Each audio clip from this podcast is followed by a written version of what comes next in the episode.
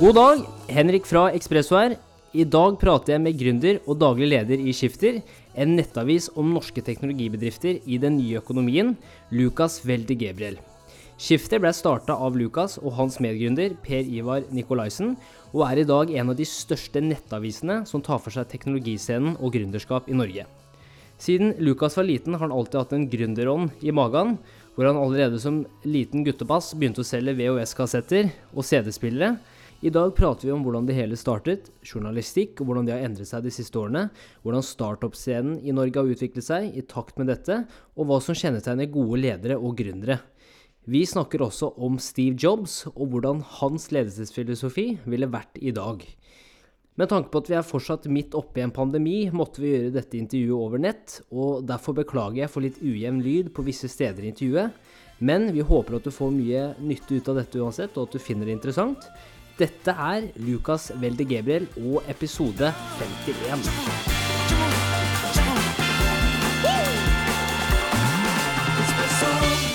Hei, Lukas. Hei, hei. Det er mandag, mandag morgen, sola skinner. Du har vært ute og gått en eh, fin gåtur?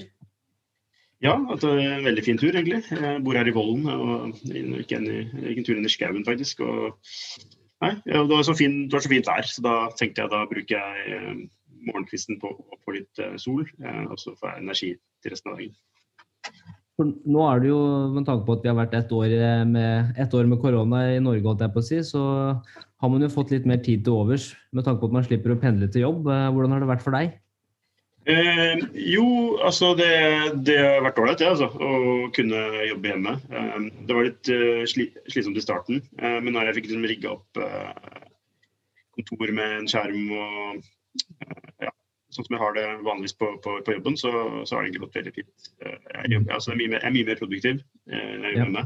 Veldig sånn tydelig hva jeg skal gjøre og ikke gjøre. Eh, og så slipper man jo Ikke at det er noe galt i seg selv, men man, det er jo mye sånn eh, småavbrytelser gjennom dagen da, når man sitter fysisk sammen. Som man måtte, slipper. Eh, det som, det som er kjipt med det, er at man, eh, man mister jo også en del menneskelig kontakt og sosial kontakt. Men, eh, men det, det, positive med det er at man jo får jo gjort gjort en del mer. Men jeg vet ikke om totalt sett ting blir bedre. Så jeg savner faktisk eh, kollegene mine. Jeg savner å være på kontoret. Jeg merker det, altså. Hva er det du, Med tanke på hvordan ting var før, hva er det du savner mest? Altså Kollegaene er én ting, er det noen andre ting du savner eh, som du har merka gjennom det året her? Altså, Det er jo egentlig møte folk. da. Altså, Når man jobber som eh, journalist, da, eller og, altså, man, man egentlig lever litt av andres historier. Eh, så er det veldig ålreit å møtes fysisk. Eh, vi har en podkast som, som, som, du har nå, eh, som vi også spiller inn fysisk. og Det er veldig ålreit. Det blir en annen samtale når det er fysisk versus over, over nett. Så, så det, det, er jo den fysiske kontakten eh, er jo viktig i det yrket som, som jeg driver med. Da. Så det savner jeg selvfølgelig. Ja. Og hvordan, eh, hvordan, vil du si på en måte koronaen også på en påvirka eh, Vi skal jo prate om reisen til skiftet i dag, og, og, journalistikk og på en måte gründer- og teknologiscena i Norge i dag, og hvordan den har utvikla seg og osv. Så, videre. så skal vi selvfølgelig også bli litt bedre kjent med deg. Men, eh, men hvordan, hvordan, hvor var du på en måte når Erna hadde pressekonferansen for litt over et år tilbake? Husker du den dagen? Ja, da var jeg hjemme, faktisk. Og jeg husker dagen før jeg tok, jeg tok barnet, min ut av skolen også dagen før. Eh, altså vi, vi, vi, altså per Ivar hos oss, da, min kollega, han er vel, altså over snitt opptatt av den type ting. Og han begynte allerede i januar å snakke om dette her. Eh, at dette her kom til å, han, liksom, han, fulgte den, han fulgte den koronavirusutviklingen veldig nøye. Jeg tenkte at ja, ja, det er noe som Det kan vel ikke ta så mye av. Han hengte til opp en sånn, eh, et sånt bilde av han derre WHO WHO, er det ikke? Yeah. Sjefen eh, bak seg på pulten. Og, og hadde liksom noen daglige oppdateringer da, på, på, og fulgte, fulgte korona altså, i, i, kinesiske medier. Eh, og Eh, så, så vi, var liksom, vi, var litt sånn forut med tanke på at vi uh, innførte hjemmekontor ganske, ganske kjapt, egentlig. Uh, da husker jeg var på kontoret, vi hadde et møte i ledergruppa og bestemte at vi skulle ha hjemmekontor. kontoret. Så det altså husker jeg på kvelden så Erna, Erna på TV. Og man da stengte ned alle skoler og alt. Og det var sånn her, Først så tenkte jeg OK, dette er interessant. Eh, og så bare kom jo hverdagen ikke sant? Eh, med to barn hjemme samtidig som prøver å jobbe. Og det, bare sånn, det var helt fullstendig kaos første, ja. de første ukene. Det var superslitsomt, egentlig. Mm. Men, jeg, har jo ikke, jeg har jo ikke ja. barn selv, men jeg kan tenke meg når dere skulle ha hjemmeundervisning og jobb og er gründer og daglig leder, så kan jeg tenke meg det er, det er mange baller i lufta. Ja, det var superkrevende. Så kunne, vi måtte bare dele det opp mellom oss, da, meg og min samboer, som også hadde hjemmekontor. Så vi måtte liksom dele opp hvem som hadde hovedansvaret den dagen så, man, eh, så den andre fikk jobba. Ja. Eh, og så man, hadde, hadde, man en sånn supertydelig plan med barna. og det var sånn, ja, veldig, Alt var veldig, veldig planlagt da, for å få, ja. få, det man kunne få ut av det, istedenfor at man bare drar opp til tilfellet. Ja. Så nesten, ja. Eh, nesten lært om prosjektledelse da, i år? Eller det året som har vært nå? Ja, i hvert fall det med, det med sånn uforutsette hendelser. Det er jo en, altså, det er jo en gjenganger i uh, hvert fall i gründerbedrifter. ikke sant? At ting skjer som er sånn faen òg øyeblikk. ikke sant? Uh, fuck, faen, ok, hva gjør vi nå? Det er nesten blitt sånn vanlig greie. Um, så det er egentlig, altså det er egentlig fordel da, med å være gründer sånn sett. At du bare Ok, hva er ukens uh, kjipe situasjoner man må ta tak i. Og når man ser en kjip situasjon, så blir det mer sånn her OK, hvordan løser man det? Man, man friker ikke ut lenger, som man gjorde i starten. Uh, nå er det ikke bare å løse det. Så, så, det blir jo Jeg tror gründere har altså, relativt gode forutsetninger for å takle denne type kriser. Eh, eller ting som handler om altså. Så, så det, ja, det, det, tror jeg hjalp meg også, med tanke på å, å ikke frike ut, men bare liksom, ok, hvordan løser vi dette her. Ja se, se muligheter, rett og slett. Og, og, selvfølgelig mye av grunnen til at jeg også ville prate med deg i dag, er for at uh, på en måte Skifter har jo blitt et av de mest populære holdt jeg på å si, nettstedene og avisene for da gründerjournalistikk og på en måte teknologiscenen i Norge uh, de siste årene. Og så har dere også en podcast som har den ligger jo på toppen over de mest populære innenfor da, næringsliv og, og, ledelse. Jeg har også hørt deg si det før uh, på podcaster tidligere, at du er veldig ydmyk om det òg, men det er veldig kult å se hva dere har fått til. Eh, med podkasten. Og vi skal jo på en måte prate om, om, flere av de tingene. Men kanskje det, det, første spørsmålet da, er jo litt å prøve å bli litt bedre kjent med deg. er på en måte, du, Har du alltid hatt en, en gründerånd i magen eh, fra du var liten og, og, sånn, eller på en måte, når kom interessen for den skapergleden? Ja, jeg har nok alltid hatt det. Og det, det er sånn som alle gründere sier. Og så trekke fram et eksempel fra når de var små og solgte et eller annet på altså, jeg, det er sånn og så blir det litt sånn kleint, ikke sant? På en måte, skjønner du. Sånn, så, er det, så er det er vanskelig for å gjøre det, eh, egentlig, i utgangspunktet. Men ja, alt hatt gründer i magen. Altså det husker vi gjorde, vi bestilte Dette var lenge siden, da. Så vi husker vi bestilte sånne tomme VHS-kassetter mm. Fra Kina, eller fra Hongkong, og solgte dem. Eh, altså det, jeg husker satt jeg, jeg skulle prøve liksom jeg holdt på å få agenturer for sånn derre Da var jeg 14 år gammel. Uh, for sånn uh, for CD-spillere. Jeg husker ikke hvilket merke det var. Uh, men jeg sendte et, sendte et, brev og fikk et brev til svar tilbake om ja, her er prisene på innkjøpsprisen og sånn. Da klarte de å få sånn mine første CD-spiller før mamma lurte på hva jeg drev med.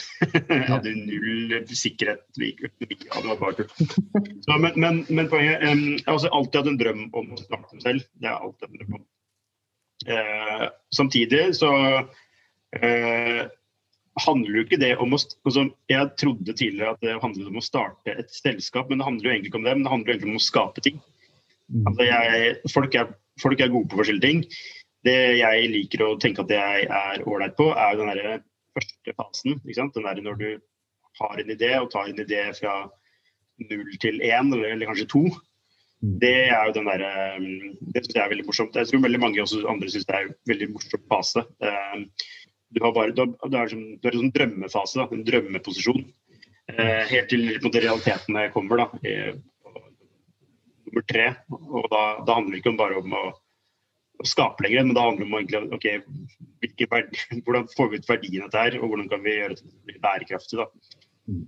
Eh, så, så, de jobbene jeg har hatt tidligere, så har jeg hele tiden fått lov til å, å gjøre ting liksom utenfor uh, stillingsbeskrivelsen. Mm. Uh, og det, det har vært super, vært sånn superviktig for meg hele tiden. Å kunne få lov til å skape. Ja. Men så, så bortsett fra VHS-kassetter og CD-spillere, hva slags interesser hadde du i barndommen? Altså, jeg, jeg er jo det man vil kalle eh, nerd, tror jeg. Eh, altså, det, var, det, var, gaming, Commodore 64. Eh, det var, jeg drev med rollespill. Ikke sånn live-rollespill, men mer sånn Dungeon Dragons og, og War, Warhammer. Uh, jeg var veldig interessert i fag, altså psykologi primært, egentlig. Jeg var på biblioteket og lånte bøker om psykologi og selvutvikling. Superinteressert i det. Um, samtidig som jeg, jeg var ikke sånn komplett nerd, da. Jeg, jeg var jo veldig fotballinteressert. Spilte fotball. Uh, og ja, altså idrett generelt. da. Fotball. Um, jeg spilte basket i Asker. Uh, bra faktisk. Så superinteressert, samtidig som, som, en, som jeg var dagens nerd. Og så har jeg inntrykk av at nerdenes tidsalder er jo over oss nå. Ikke sant? Det er jo altså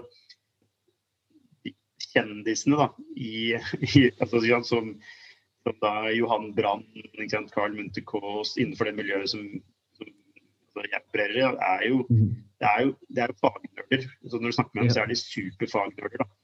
Ja. Uh, og uh, og det er interessant, da. Den der, den der, hvordan det har blitt altså, uh, altså, en populær greie. Det har gått fra å være sånn uglesett til å bli en populær greie. Mm. Jeg vet ikke svar på spørsmålet ditt. Jo, nei, men Det er, det er kjempeinteressant. og det, også til, det fører jo også til på en måte det som jeg også syns er veldig interessant. Det er jo bare det med på en måte gründerskap og på en måte det å skulle starte noe eget. da, Teknologiselskap i Norge og sånn. Jeg husker også jeg hadde en hadde jeg en samtale med, med Carl Mude Kaas for lenge siden flere ganger. Eh, på en måte personlig, men også på, på den podcasten her. og eh, Så skal jeg også prate med Johan Brandt om, om, eh, en uke, så det blir også spennende. Men da er det jo også Det som på en måte Carl prata også, om, er jo i forhold til at når han kom ut av studiene og, begynte som konsulent da, da, i McKinsey, så var på en måte det å være gründer det var liksom heller ikke noe det var ikke noe fancy greier det på den tida. Og så eh, plutselig så bare kom det et skift, på en måte, ja, for å bruke ordet riktig. da, Eh, hvor, hvor, det plutselig ble mer populært, og det var inn å være gründer. Og, og, kanskje plutselig så var det sånn skikkelig kult å være gründer, og bare det å være gründer var fett. på en måte. Um, så, men det samme er jo med han også. jeg husker når, en måte, man prater med han, så er det jo ganske interessant å, å se i forhold til at det å på en måte være nerd nå, da, og virkelig sette seg inn i ting og, og virkelig løse problemer, det har aldri vært kulere enn det er nå. på en måte. Um, men for det vi kan se, da, de interessene du hadde gjennom videregående og så eh, ut i høyere utdanning altså Du har tatt en, uh, en grad da i statsvitenskap, hvis det stemmer?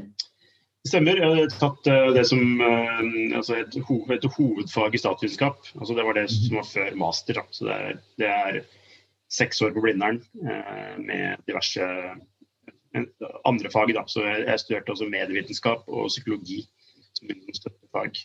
Mm. Eh, og så hadde jeg et opphold i Brussel et halvt år eh, som sånn Erasmus-stipendiat. Eh, Men jeg begynte på Blindern for å studere psykologi, egentlig. Det var det, som begynte. Samtidig som egentlig jeg har alltid vært mer, mye mer fascinert av eller, altså jeg, var flink, altså jeg var flink til én ting på videregående, og det var, det var samfunnskunnskap. Eh, det var det faget jeg var god på. Eh, altså, og gym, da, som alle andre var gode på. selvfølgelig. Men, men sånn, mm. Eh, jeg, hadde, jeg, var sånn generelt ålreit i alle fag. Jeg, sånn, jeg, gikk langt ifra et skolelys. Jeg var ikke, altså, karakterene mine var, det var, det var bra, ålreit karakterer, men det var liksom ikke sånn superflink. Men i samfunnskunnskap så det merka jeg, det, det syns jeg var veldig spennende. Mm. Um, og, men jeg valgte likevel å studere psykologi. Jeg tok også psykologi, jeg syntes det var spennende på sin måte. Og, men da det begynte å bli mer sånn altså vitenskapelig, så Altså Alle mennesker er interessert i psykologi fra sånn populærperspektiv, men når ting blir vitenskapelig, Eh, så var det så mista det, Jeg følte det mista litt av den mystikken da, sant? Det, det, i seg. Eh, men altså, jeg husker jeg gjorde, jeg gjorde, det skikkelig dårlig på eksamen. Jeg fikk eh, tre, før, før bokstavkarakter. Eh, eh, og, og, så tenkte jeg at dette her dette må jeg tenke, hva er det jeg egentlig driver med? Så da uh, hadde jeg ennå ikke vært i militæret, så da, gikk, da dro jeg inn i militæret. Så var jeg i militæret i halvannet år. Eh, i førstegangstjeneste, og så var jeg et halvt år i eh, Bosnia og Kroatia. Um, hvor, hvor, var det du var hen i førstegangstjenesten? Jeg var, eh, jeg var MP, jeg var militærpoliti. Så jeg ja. var ja, først på rekruttleir, og så var jeg i Stavern på MP-skole. Og så var jeg i Stavanger på Nato-basen på Jåttå. Mm -hmm var jeg i eh, ja, et halvt år. Og så, og, og tok jeg et halvt år til da, eh, i, eh, i Kroatia og Bosnia. Som sånn IS for styrken av Nato-styrken der. Ja. på, på, slutten av 90-tallet. Spennende. Ja, ja, det, det var, var jo et tidspunkt å være der på, på 90-tallet. Ja, altså det, var, altså det, var, eh, det var, null dramatikk da, i den stillingen jeg hadde som MP og som uh, vakt. liksom. Uh, ikke noe dramatikk i det hele tatt. Um, jeg, men jeg, jeg snakket uh, Eller jeg snakker italiensk. Mm -hmm. så, og det var, en, sånn, det var en del italienske soldater her. Da fikk jeg, ble jeg forfremmet, da, fordi jeg kunne faktisk kommunisere med italienerne. De kunne jo ikke engelsk. Da ledet jeg et uh, vaktlag med italienere. Uh, og, ja, de var jo kanskje mer opptatt av å drikke kaffe eller ja. espresso og snakke om livet. Ja. Hvilke, hvilke, ting lærte du gjennom uh, å være leder der for en gjeng med italienere, bortsett fra det å nyte kaffe og, og prate om livet, selvfølgelig? Altså, det jeg lærte om ledelse da, var jo at at uh, man Altså, det var et lite team, da. Vi har et team på fem personer. Uh, men det er jo egentlig at man er, liksom, er man et team på fem personer, så er man et team på fem personer. Man, da gjør alle gjør Altså, man er Man får respekt av å gjøre den jobben som skal gjøres. Altså, det er ikke noe snakk om å kommandere ja, alle, Man jobber sammen til man er ferdig, liksom. Man er et team. Og så er det tilfeldigvis én som har kalt et slags koordineringsansvar. Da. Bare sørge for at vi gjør det vi gjør. Liksom. Eh, det, på det nivået så lærte jeg lærte det. Eh, jeg lærte også, altså det, det, tok meg videre når jeg ble leder i DVG og avdelingsleder her. Eh, og det er egentlig å bare være en del av teamet. Det jeg også lærte der, var jo at ledelse handler ikke om å ha alle svarene og si nå skal vi gjøre dette her ledelse handler jo om å, at man sammen finner noen altså, spørsmål som er viktige å løse, eh, og, og, og, så finner svarene. Eh, slik at man er, har en sånn felles forståelse av, av det. Eh, og så er det jo hvordan der, der starter jeg med å komme med alle svarene. Vi skal gjøre det. Og, det som, og, jeg vil faktisk hevde at jeg hadde, jo, jeg hadde, jeg hadde faktisk rett, på en måte. Men det betyr ikke noe. Det, rett, det handler ikke om å ha rett som leder. Eh, det handler om at alle drar i samme retning eh, mot, mm. eh, mot, det rette, og at man sammen finner ut hva som er det rette. Ja. Så det, det, det, lærte jeg om det. Ja.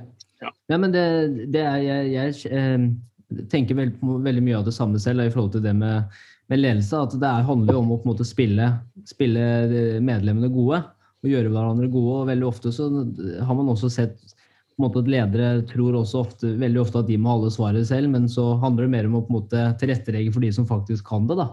Um, har, har, du altså, hatt noen Ja, oh, sorry. Ja, det er altså Problemet med, med, den, med, det perspektivet, da, hvis du tenker å skal ha svar, det, det skalerer jo ikke. ikke da, blir, da, vil du til enhver tid være en sånn flaskehals. Mm. Så en, en, altså en, god leder klarer jo først og fremst å bygge og tiltrekke seg flinke folk som eh, forhåpentligvis er mye flinkere enn lederen. Eh, slik at ledelse handler jo ikke om at du skal altså, Jeg mener at altså, mitt mål er å bli den aller dårligste og dummeste personen i selskapet. At hele tiden få, inn folk som kan gjøre ting eh, mye bedre enn det jeg kan. Eh, det må jo være målet. Eh, kompetansen sitter i ledelsen som skal gjennomføre. Ikke at kompetansen sitter i altså et ikke-utførende ledd. Da, ikke? Så handler det mer om som leder å legge til rette for at man skal klare det. Ha en tydelig eh, altså retning og liksom, eh, være fanebærer for det. da, sant? Være fanebærer for kultur etc. Men det er jo sånn men det er først For gründerselskaper så er det en overgang der. Du begynner ikke der som leder. Som leder altså, som I gründerselskap så begynner du, da er du en doer. Og jeg, vi er fortsatt, Er fortsatt for så små at jeg kan ikke bare sitte og lede. må, det er mange ting jeg må gjøre. Eh, fordi ellers blir det ikke gjort.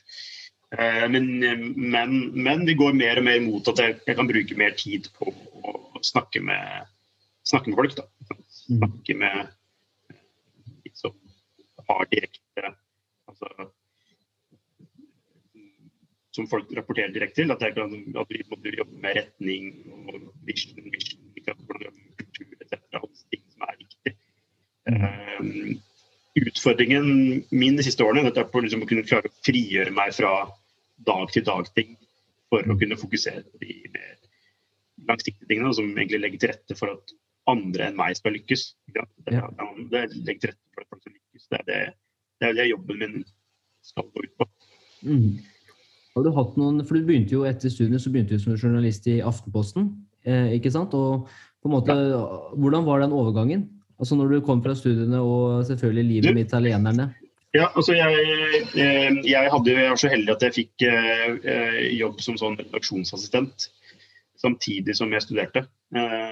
Så de siste, fra 2001 så begynte jeg, fikk jeg jobb som redaksjonsassistent i Aftenposten. Da er du ikke journalist, på en måte, men du kan, altså, hvis du er heldig, så får du skrive en liten notis. Da. Kanskje en liten artikkel. Uh, så det er det jeg egentlig gjorde. Og mens det du gjør, egentlig er jo å være assistent til uh, sjefen. Ja. Uh, til altså reportasjelederen. Mm. På, på, kveldstid, da. Ja. Sortere fakser, sortere e-poster som kommer inn ringe til, ringe til alle politikontroller i Norge for å høre om det har skjedd noe. Mm. Litt sånn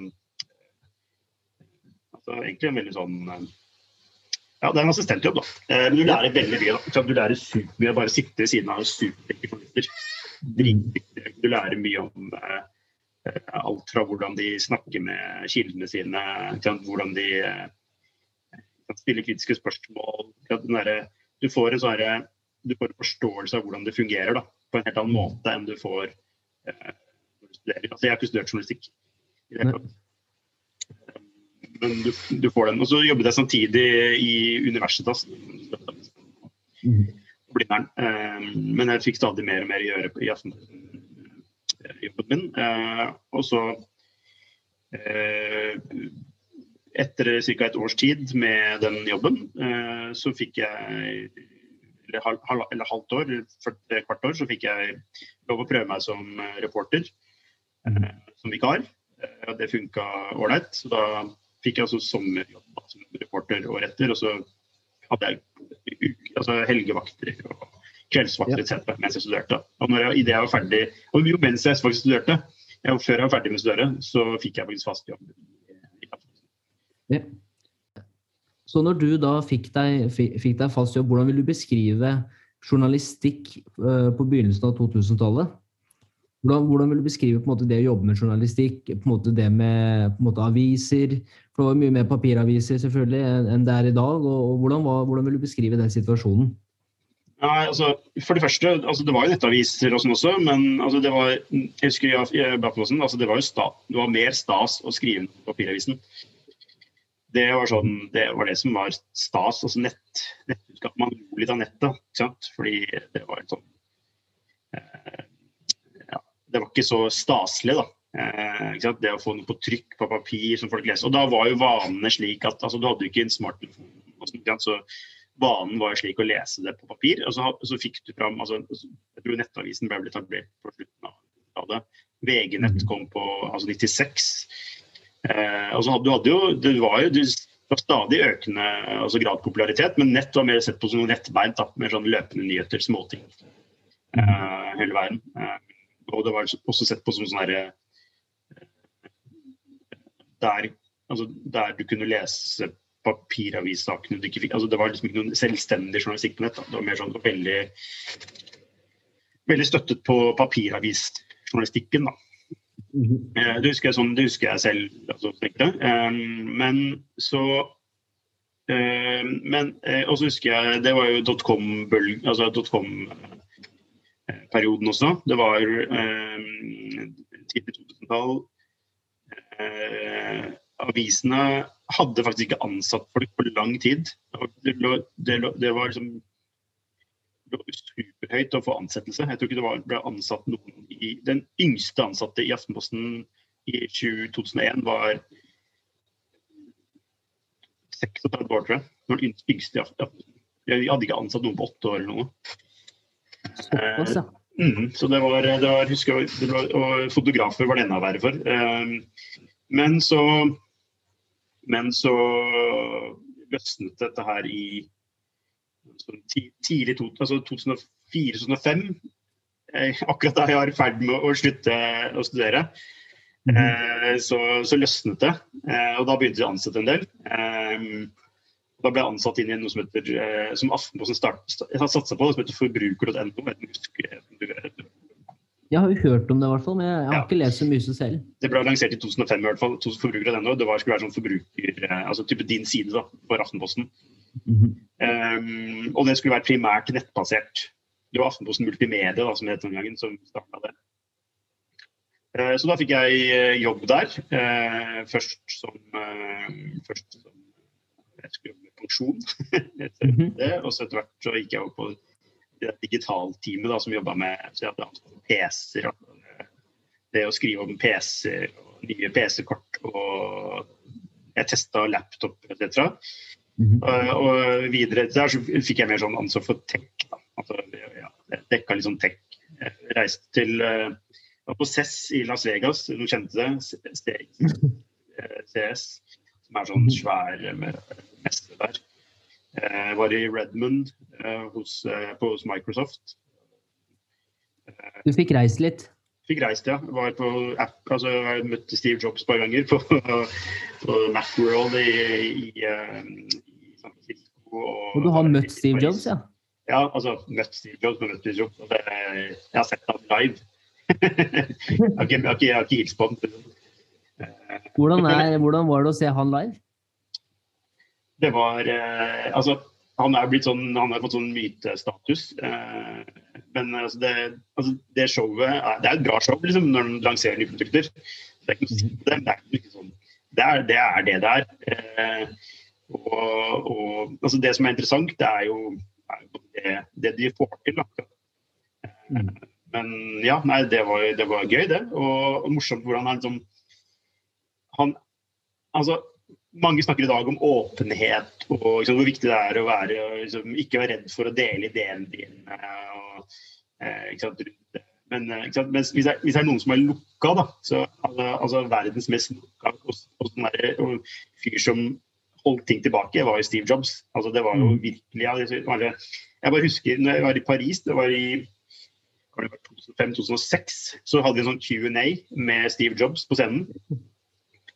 Eh, og bare sånn der, Et spørsmål så svarte han sånn der, hvor journalisten spurte liksom, hva, det, hva, er det, hva, det, liksom, hva, slags ting er det du bruker på fritiden? Hva, liksom, hva, hva syns du er bra liksom, ja. å bruke? Og var liksom, usikker etter liksom, hvilke tekniske biter han var interessert i. Liksom. Eh, så bare sånn, altså det, Han kjøpte en sykkel, da, og det syntes han var stas. da, å sykle. Han bare svarte sånn uh, kjipe svar som egentlig ikke ga noen ting. Og så, og så, Da var jo iPoden eksisterte, men da hadde ennå ikke kommet video på iPoden. Da. Og de spurte han ja, kommer det video på iPod. Eh, så bare sa han nei, nei. Det, liksom, se for deg det. Liksom, at folk, altså, det er en, det er musikkdevice. Du kan ikke se for deg at det kommer ikke noe video på den. Eh, det har vært veldig merkelig i hvert fall. Ikke sant? Eh, og så, liksom, så går det tre kvart år eller halvt ett år, da, så lanserer selvfølgelig iPod med video. Ja. Så han var sånn herre Nei, altså han, han, holdt ting hemmelig, da. Og ja. Eh, vi, vi merka som journalister også, med tanke på, på uttalelser fra Apple. Altså det, var, det, er jo null. altså Ingen tar hele tiden. De sier mm. ingenting. det er, Alt er super secretive. Ja. Det, det, er mitt inntrykk av Steve Jobs. Veldig lukket. veldig sånn, jeg føler Steve Jobs er ofte unntaket som bekrefter regelen. Veldig nære lukkede, egentlig tradisjonell business-fyr. Eh, mm. Superintuitiv. Eh, autoritær.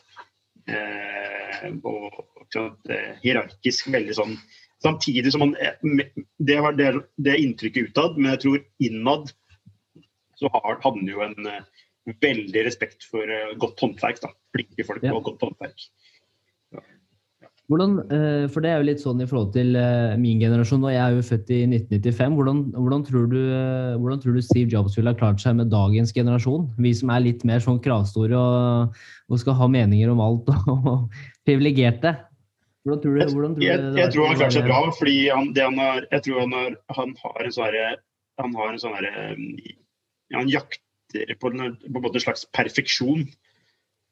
Eh, og klarer å få det til. Han klarer å tiltrekke seg de folka som kan få det til. Sånn som Jonathan Ive, designfyren. Han, bare, han, altså, han, eh, altså, jeg vet om du kjenner historien til, uh, til Apple, men han ble jo, han ble jo kasta ut av Apple yep. i, på slutten av 80-tallet. Og det han gjør da, er å gå og starte Next. Mm. Next Computer, en sånn super, supercomputer. Um, og, og, basisen, altså, og, det legger jo basisen for Pixar, ikke sant? Du Pixar, altså Disney. Yeah. Uh, som, sant, hvor han satser alt, og, det, og Toy Story blir en supersuksess. Um, men altså, det å, det å, gjøre, det å miste alt og samtidig bygge opp noe sånn Jeg mener at Pixar har en sånn enormt fokus på håndverk og prosess, kreativitet. Mm. Den derre kombinasjonen av kreativitet og det antikreative strukturelle eh, er jo og, håndverket og ikke minst eh, kunde, kundeappell. Der, han har en liksom, intuitiv forståelse av det eh, som, eh, som han ville vært Han ville funka altså, uavhengig av, av, av tidsalder. Så ville ja. Steve Jobs funka, samtidig som han er supervisjonær. Så det er, liksom, det er ikke noe å si på det. Men det er, det er ikke mange av den typen. Ikke sant? Nei. Ja, for det er jo den, det er jo ganske, det er sånn høna lege, og på en måte det med holdt jeg på å si, kreativitet og, og, og, og, frihet til å tenke stort, da, men også det å sette ting i struktur. Det er jo en ganske, det er ikke alle som klarer å mestre den balansen. Nei, altså jeg tror jo jeg, altså, mm, kreat, altså stru, Du kan ikke ha kreativitet uten struktur. Altså, mm. Den beste kreativiteten kommer fra struktur. Eh, er en, altså, struktur er en forutsetning for kreativitet. Fordi, altså, Hvis jeg spør deg um, Du Henrik, kan ikke du bare være litt kreativ? da, Finne på noe kreativt. ikke sant? Eh, altså, da begynner du med hvordan, hva da? Altså, på hvilken måte? ikke sant? Du, må, du har en del spørsmål som må sette en kontekst, slik at du kan operere innenfor noe. ikke sant? For, det, ja. for Hvis du skal levere verdi, så må du vite hvem du skal levere verdi for. ikke? Eh, og allerede der er det første, den første strukturelle biten av det. ikke sant? Um, og jeg snakket med arkitekter, jeg snakket med altså Alle eh, designere de må ha en struktur for å kunne være kreative. Yep. Uh, og, og, for å ha noe å bryne seg på. Uh, noe, og, noe, som gjør at det gir et fokus. For det, blind kreativitet gir jo ikke noe verdi. Altså Kreativiteten må jo gi verdi for noen. Uh, så, så, allerede der begynner strukturen. Så, så, det, så jeg syns det er superenkelt. Altså, jeg mener at Jo mer struktur du kan få på plass, jo bedre er det. Og så handler det om å være kreativ innenfor den strukturen. Altså, strukturen skal, skal, sikre retning og skal sikre at du leverer verdi. Og kreativiteten skal, gjøre, skal sikre at du gjør det på en, på en best mulig måte. Ja. Og Det er masse rom for kreativitet. Selv på, innenfor de trangeste struktur, strukturer så er det jo masse rom for kreativitet. Så det er en myte at, at, at, at struktur dreper kreativitet, faktisk. Ja, men det, det, Jeg er også helt enig. og så sier jo han der Seth Godin han sier jo også det at hvis du lager noe for alle, så lager du jo noe for ingen. på en måte. Så det er jo, hvordan, hvordan, kan man dra en parallell til det å lage en verdi for en sluttforbruker? Hvordan ser du på det i forhold til det å på en måte virkelig sørge for at du har strukturert eh, ja, rett og slett eh, verdien du leverer, da, men også for målgruppen? Hvordan har dere gått fram der, eh, f.eks.? Altså, det, dette er ting som, jeg, som man aldri blir ferdig med. Og det er ting jeg tenker på faktisk hver eneste dag. Altså Hvilken verdi er det vi leverer til, til hvem? Mm eh, altså jeg er inne og følger med på alle som kjøper abonnement på Skifter. Prøver å finne ut hvem er de, eh, for å forstå hva, hvem er det vi egentlig leverer verdi for. Mm. fordi Og hvordan kan vi gjøre det på en konsistent måte? Jeg tror det er, det er, en, sånn, det er en sånn prosess man aldri blir ferdig med. fordi ting endrer seg også. hva som er verdi for ti år siden, er ikke det samme som er verdi i dag. Så du må hele tiden være på jakt etter et godt verdiforslag til enhver tid. Altså, den der, en product market fit da, er, ikke, er, ikke, konstant, den, den er flytende. Eh, men du må, du må, det må være balansen mellom å ha, å ha tilstrekkelig stayerevne for å kunne hente ut verdi, og det å være, det å være konstant på jakt eh, etter å kunne justere den product market fiten. Det er en balanse mellom å stå stille og kapitalisere, eh, og det å bevege seg og miste kapitalisering på noe, men kapitalisere på noe annet, hvis du forstår.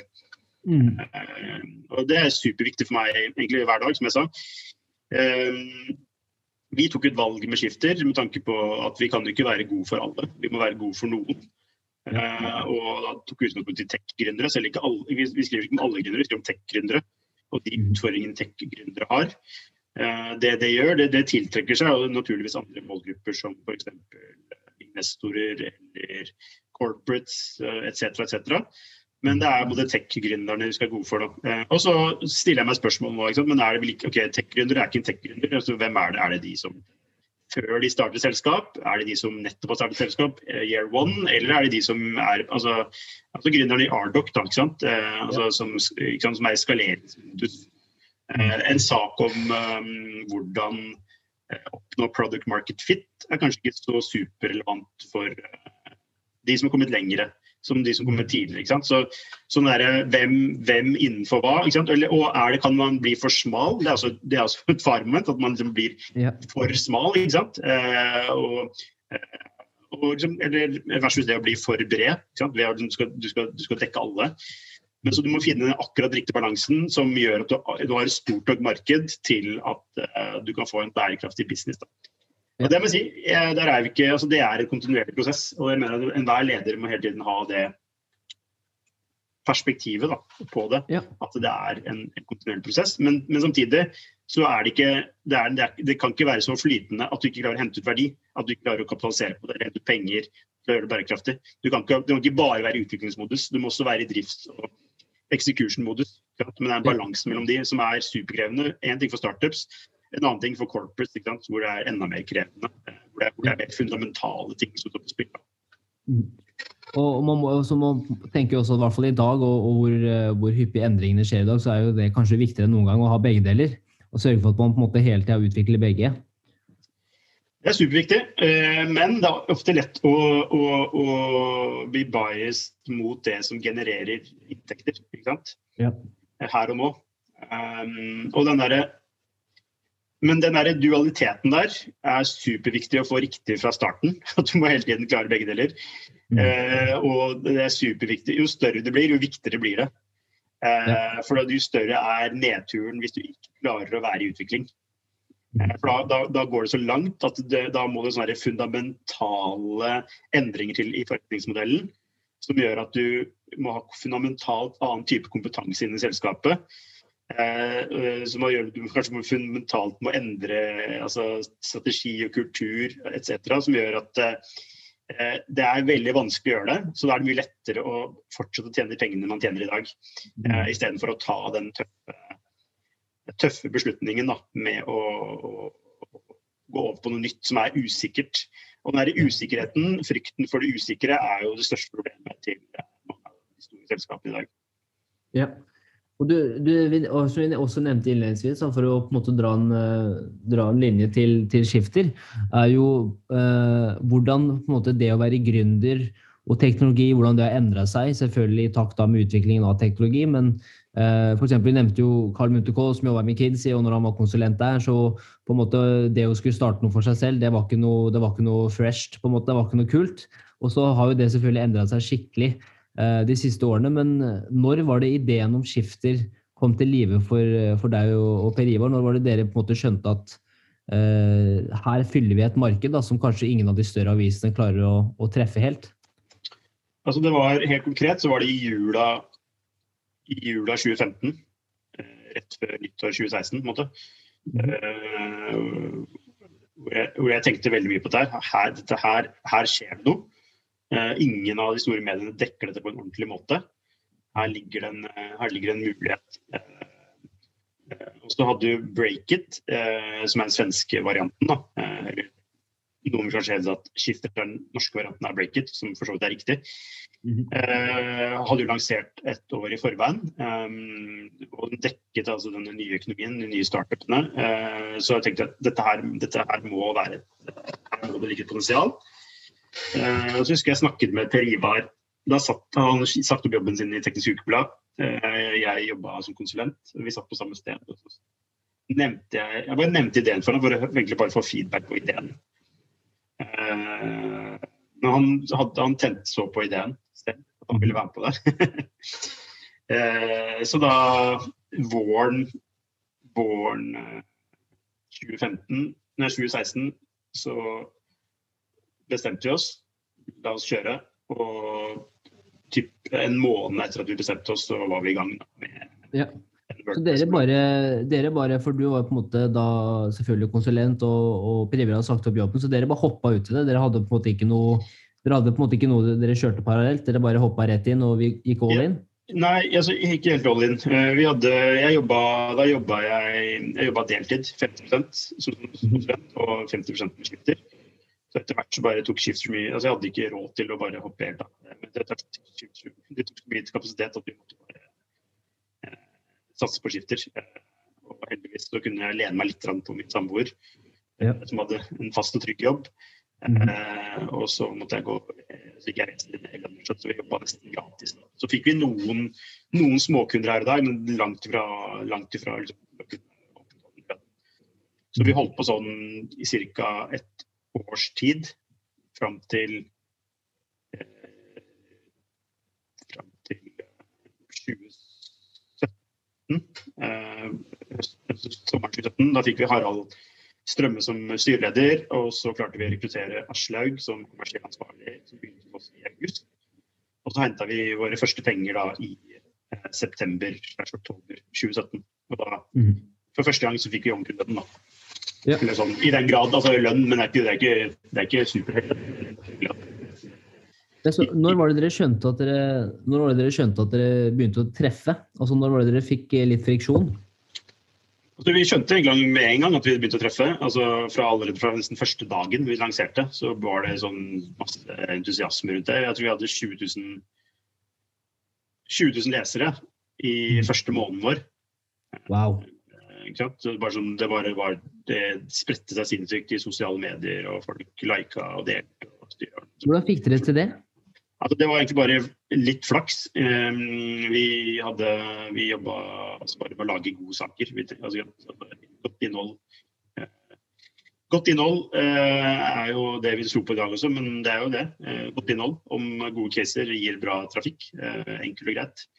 -hmm. um, så da var det egentlig bare å fokusere på det. Og så begynte jeg å liksom, utforske dette med sosiale medier og, og Facebook-annonsering. Så jeg begynte å lære meg dette med hvordan kjøpe altså, Hvordan optimalisere da, med tanke på å få Facebook-likes mm. uh, for å vokse den uh, antall følgere.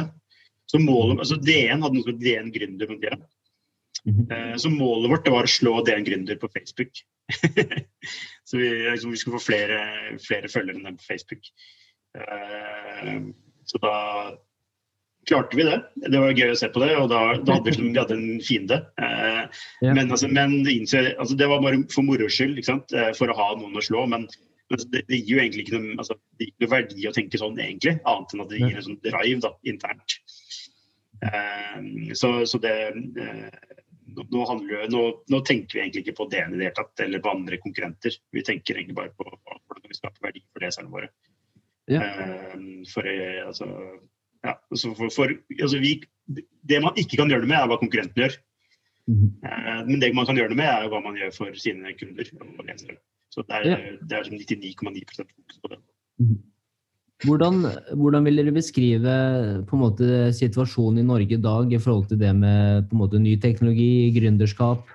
Uh, hvordan ser dere Norge i forhold til andre land? F.eks. Sverige, som på en måte ikke har hatt oljen?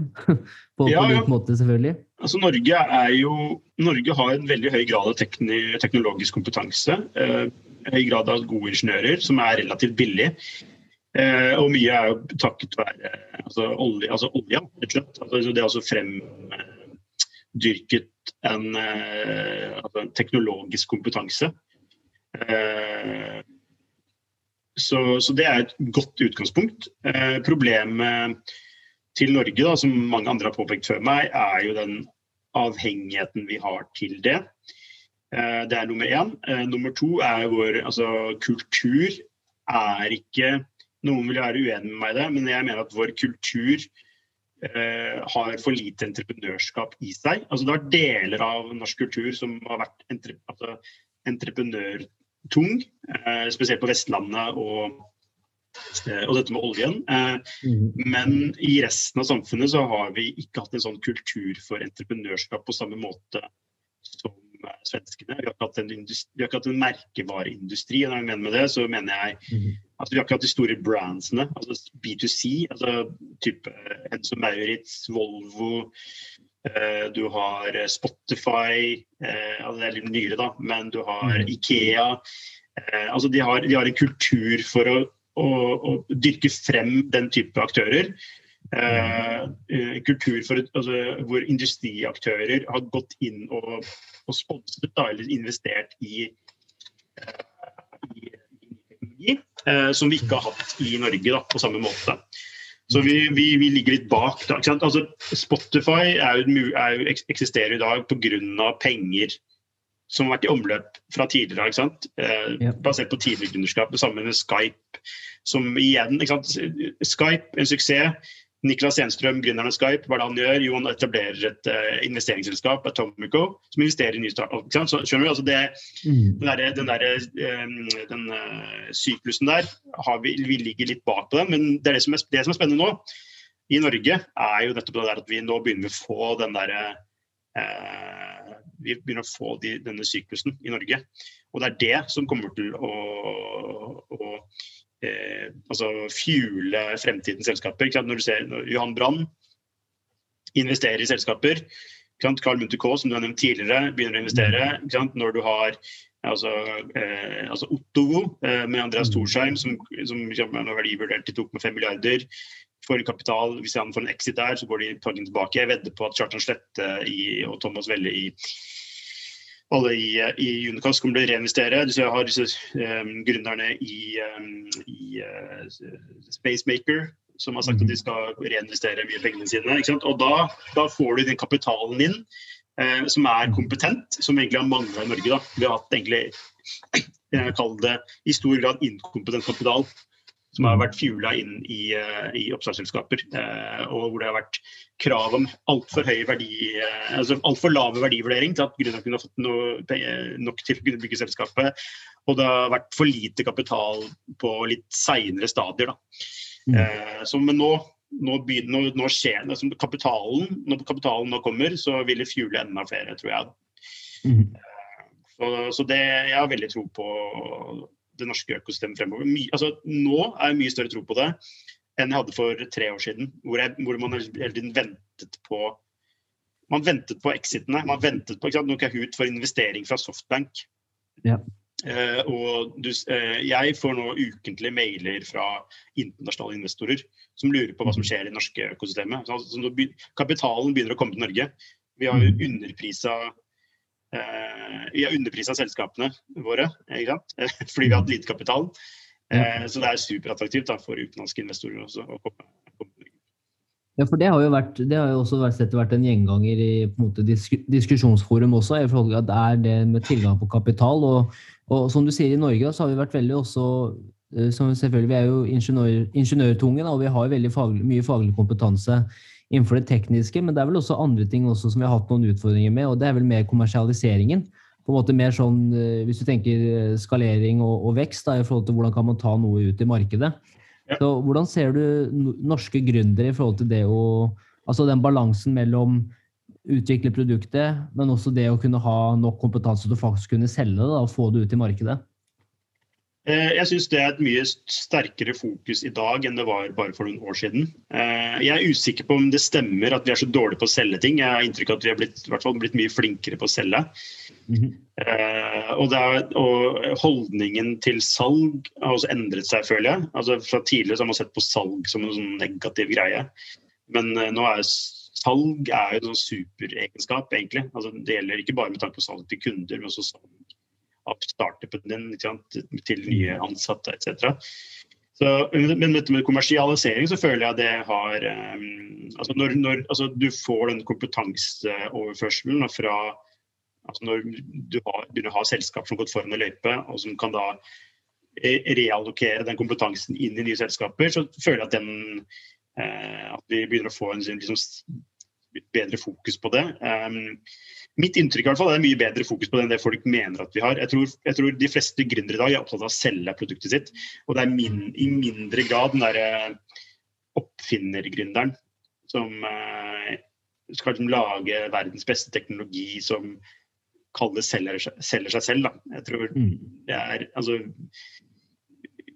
Mitt inntrykk i hvert fall, vi i mindre grad ser det. Eh, men kommersialisering er viktig, er det liksom ikke noe tvil om. Så det er sånn, det er, vi må komme oss videre fra det fra det. da, Skal vi kommersialisere? Altså, men, ja, selvfølgelig skal vi det, men hvordan gjøre det mest mulig effektivt? da. Ja. Og nå, sånn, sånn, tenker jeg at nå, på en måte avslutningsvis, Det som har vært gøy å, å høre litt nå, Lukas, er jo i forhold til uh, den reisen med, med Skifter da, og alle de på en måte, lederne dere har møtt og gründerne dere har møtt. Er det noen som har, uh, som har gjort noe større inntrykk på deg i forhold til alle de kule og, og herlige folka du har fått lov til å møte over de siste årene? Ja, jeg syns alle jeg, jeg, jeg, elsker jo gründere. Jeg digger jo at folk eh, altså, vil skape noe, bygge noe, bygge et selskap. Bidra til å styrke den norske økonomien. Altså, jeg bare synes det er sånn eh, alle gründere gjør Norge en, eh, en tjeneste. Eller bidrar, eller forsøker da, med å, med å gjøre det. Så det, det å gi, gi, avkall på noe, altså kall det materielt, da, for å for, for, å, kunne, for å gjøre det, syns jeg er sånn super, jeg er. Så liksom alle, faktisk alle gründere jeg møter, så, så, så jeg har veldig respekt for det. da. Og så er det selvfølgelig noen som er, eh, som er altså, flinke, eh, som har gjort ting før og som har skjønt en del ting og som kan dele. Jeg har veldig sansen for ja, det, altså Jeg møter mange gründere. Noen er flinke, mange er flinke, eh, og noen av de er flinke til å dele og være rause. Og det er, det er jo ekstrasansen for. da, Rause folk. Rause, altså som, som, som, ikke bare tenker på seg selv og sitt eget selskap, men som tenker på de som kommer eh, bak i løypa, da, og, og som deler velvillig. Ja. Eh, og det er sånn, det er, Carl Munthe-Kaas, som har vært på besøk her tidligere, er jo en av de. En av de. Mm. Som det er aldri et nei han, liksom. jeg tror han møter, altså Hvis du spør om jeg tror han møter alle, så spør han møte, mm. selv om han har verdens mest busy jobb. Ja. Uh, Johan Brann, som, som, kommer neste uke, er jo også en annen sånn type Han er også investor i Skifter, så jeg må si det, og bidrar med ufattelig mye bra feedback. Mm. Uh, men også eksternt. Han er super. Han er liksom, deler masse og har en mission med det han virkelig gjør. Da, med det han gjør, og en så supervisjonær, intuitivt altså, har en intuitiv produkt forståelse som mm. få andre egentlig har. Ja. Um, flere er sansen for? Jeg er sansen for Ingrid i, i Whereby, eller tidligere parent i Whereby, uh, som har liksom tatt, tatt ikke Hun var med inn altså Det var en corporate startup i Telenor og tatt det med ut. altså Den reisen med å ta noe ut fra en corporate setting Eh, ut i det fri og få det bygd sammen med et annet selskap av Video Nord, som har kjøpt seg inn. Og tiltrekker seg flinke folk. Og folk altså bare, jeg har så sansen for folk som eh, får til ting som er veldig vanskelig. Og Én ting er å bygge et selskap som er vanskelig seg selv. En annen ting er jo å bygge det internt i en, i en corporate som er supervanskelig, og så ta det ut. Uh, men uh, nei, altså gjennomgangshemmet for meg, uh, blant de som jeg har sansen for, er de som deler. Og det er flere enn de jeg har nevnt nå, som er superflinke på å dele dele kompetansen sin eh, videre. Så det er, det er sånn ekstra, ekstra på, ja. i margen fra meg. Ja, men det er jo, jeg synes, tenker også det er jo veldig, det handler veldig mye om på en måte personene bak òg. De, de selskapene de som på en måte tør å, å dele da, og, og, hjelpe andre på vei opp og fram, og, og forstår at, på en måte, at det er litt den der pay it forward-tankegangen, eh, og at man, ha, man, kan alltid lære noe av andre folk også. Um, sånn, men, men, angående det, da, i forhold til um, de årene med skifter nå og, og tankene dere har framover, hva, hva, slags råd vil du gitt til Lukas på, på 25 år? ut fra hva du har lært nå, og både oppturene og nedturene gjennom karrieren, og måte, hvilke råd er det du ville, ville gitt til en yngre Lukas? Det første rådet er eh, Lukas, du hører, hvis du hører om noe som heter bitcoin, så kjøp så mye du kan. det er det første rådet jeg ville gitt. Ville du kjøpt det nå? nei, men altså 25 år gammel Lukas. altså bare sånn, Lukas, idet du hører bitcoin, kjøp. kjøp det. Uh, ja. uh, altså det, det, er vel ikke Jeg bare ser for meg tittelen nå på, på, episoden, Lukas. Det er eh, med bare blokkbokstaver 'kjøp bitcoin'. ja, ikke sant? Skikkelig clickbait.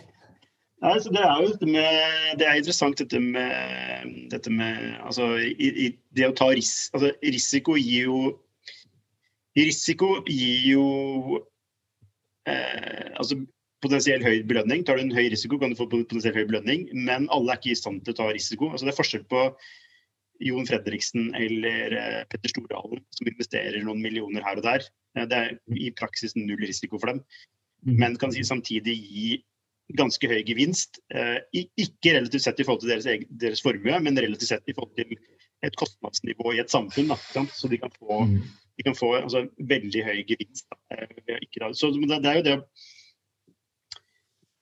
komme til et punkt uh, hvor du er i stand til å ta risiko, er jo en sånn interessant greie som jeg, som jeg ville måtte gitt et råd til meg selv om.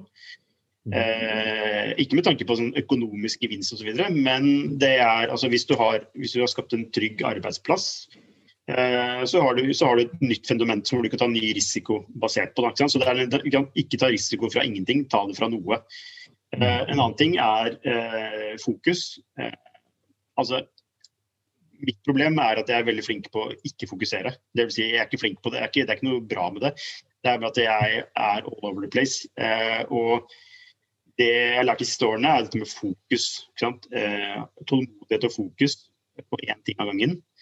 Eh, en ting er for meg selv, en annen ting er også for selskapet. At, eh, jeg er all over place, vil selskapet være all over place. Så, så jeg må evne å fokusere. Så fokus er superviktig. Og så er jo det en, en, tredje ting er det å altså, være tilgjengelig for eh, være, altså, være tilgjengelig for flaks. Mm. Hvis du ikke er tilgjengelig for flaks, så har du ikke flaks.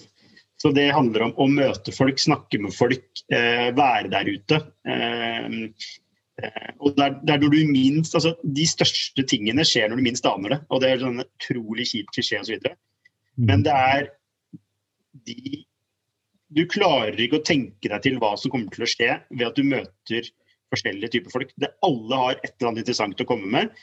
Enten at det er noe bare en interessant samtale, men, eller at de kjenner noen som er, kan være interessante for deg. Et cetera, Men det er det, det, skjer ikke hvis du ikke er ute og møter folk, så vær, vær tilgjengelig for flaks. Mm. og jeg personlig er jo litt sånn introvert. Jeg er ikke så veldig glad i sosiale tilstander. Jeg pleier, jeg pleier liksom å prøve å unngå det hvis jeg kan det. Mm. Uh, men, men, det men, men jeg vil jo kanskje være tilgjengelig for å ha flaks. Ja. Det var eh, god nok svar på spørsmålet ditt. Nei, men det, Jeg syns det er kjempebra svar. Vær tilgjengelig for flaks. Jeg, jeg syns det er fine avsluttende ord. Eh, hva synes du, Hvordan har det vært å være med på podkast i dag? Eh, altså Det er uvant eh, å snakke om eh, meg selv, for jeg føler at jeg, jeg har ikke så veldig mye spennende å bidra med. Med tanke på altså, de, jeg, person, de jeg intervjuer hver dag. ikke sant? Så det er jo, Du vet sånn det er, man, man Sett opp mot de interessante historiene som jeg daglig altså, har, snakker med folk som har opplevd, da, så, mm så har jeg ikke, jeg føler ikke at jeg har noen interessant historie. Men jeg håper, jeg håper likevel at det har vært irrelevant for noen. Kanskje én person å høre på dette her. jeg vet ikke. jeg synes det, det, har vært, det, er i hvert fall meg. Jeg syns det har vært kjempeinteressant å, å, bli bedre kjent med deg også. og det er jo som veldig mange sier så når de er med, på den podkasten, at det er liksom å være sånn hobbypsykolog. Så jeg vet ikke om jeg kanskje må endre navnet på podkasten til Hobbypsykologen eller et eller annet sånt. For det er veldig ofte at podkasten er veldig faglig, men det her er jo litt mer personlig. Så jeg håper du syns det var en, var en bra opplevelse uansett. Ja, definitivt. Veldig hyggelig, og tusen takk for å bli invitert. Det var, det var, en, det var flatterende. Så gøy, Lukas. Men da håper jeg du får en eh, fin uke. Nå eh, skinner sola, så da får du kose deg på gåtur. Og så eh, håper jeg det ikke blir så lenge til vi prates igjen. Takk i like måte.